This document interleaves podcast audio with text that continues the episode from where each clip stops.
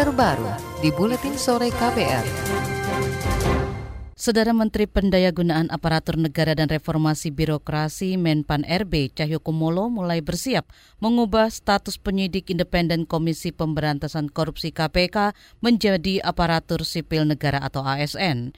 Cahyo mengklaim sudah dua kali bertemu Sekjen KPK Hardianto Hareva untuk menyiapkan formula perubahan status pegawai KPK itu. Artinya kalau sekarang ini kan mereka terikat dengan KPK gitu kan. Nah, ke depan kalau misalnya di PNS ASN nanti kan mereka lingkup mereka akan lebih besar. Menpan RB Cahyo Kumolo menambahkan dengan perubahan status pegawai itu nantinya penyidik KPK juga harus mengikuti beberapa ketentuan pada Undang-Undang Aparatur Sipil Negara seperti seleksi yang maksimal diikuti penyidik berusia 35 tahun dan bisa dipindah tugaskan ke kementerian atau lembaga lain.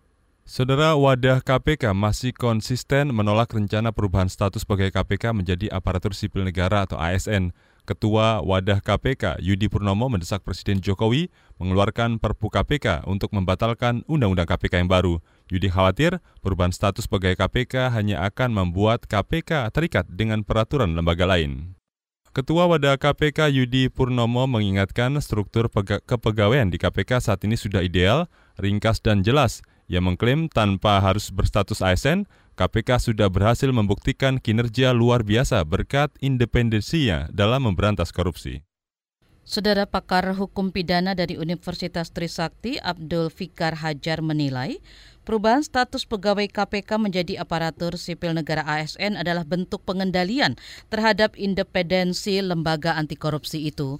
Apalagi dalam Undang-Undang KPK yang baru dijelaskan, komisioner bukan lagi menjadi penegak hukum.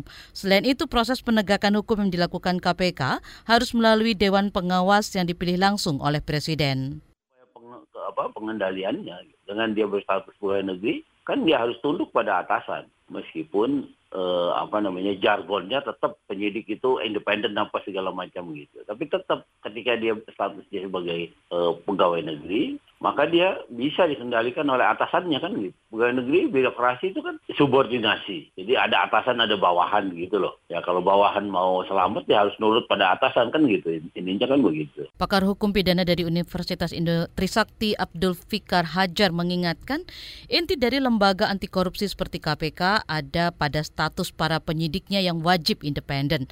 Kalau penyidik KPK sudah tidak lagi independen atau berstatus ASN, maka KPK dinilai tak lagi ber bergigi. Saudara pakar hukum kepolisian dari Universitas Bayangkara, Jakarta, Edi Saputra Hasibuan, tidak sependapat dengan Abdul Fikar. Menurutnya, perubahan status sudah sesuai dengan perintah Undang-Undang KPK hasil revisi. Bekas komisioner Kompolnas ini optimistis perubahan status pegawai tidak berpengaruh pada independensi KPK. Saya kira kita jangan apa dulu ya, memberikan curiga dulu ya. Yang penting kalau menurut kami, kasih dulu kesempatan, berikan waktu dulu untuk KPK berjalan ke depan ya. Nanti bagaimana teknisnya di lapangan, saya kira juga nanti akan dipantau ya bagaimana pelaksanaan. Mungkin kalau kita terlalu cepat curiga, ya saya kira memang tidak baik lah ya. Yang penting kita kasih kesempatan dulu, bagaimana KPK ini dua tahun yang akan datang. Ini kan prosesnya kan panjang ya. Kalau nggak salah sih dua tahun diberikan waktu untuk memproses proses ya untuk para staf di sana menjadi ASN. Pakar Hukum Kepolisian dari Universitas Bayangkara Jakarta Edi Saputra Hasibuan mengimbau masyarakat untuk tidak a priori dengan perubahan status pegawai KPK menjadi ASN. Karena selain ada Dewan Pengawas KPK, masyarakat juga masih bisa memantau kinerja lembaga anti korupsi itu. Saudara perubahan status pegawai KPK menjadi ASN tertuang dalam pasal 45 ayat 1 Undang-Undang KPK yang baru.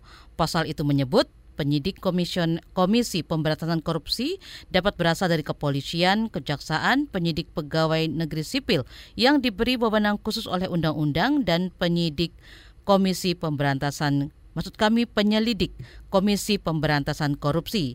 Sementara itu masyarakat sipil menilai beberapa poin dalam Undang-Undang KPK tidak sejalan dengan semangat anti korupsi. Poin tersebut di antaranya adalah pembentukan Dewan Pengawas KPK serta status ASN untuk seluruh pegawai KPK. Pelemahan KPK juga mengingkari prinsip yang tercantum di dalam Jakarta Principles, sebuah prinsip bersama yang ditandatangani di Jakarta tujuh tahun lalu. Ketika itu, seluruh lembaga anti korupsi dunia sepakat mendorong negara supaya berani melindungi independensi lembaga anti korupsi. KBR, inspiratif, terpercaya.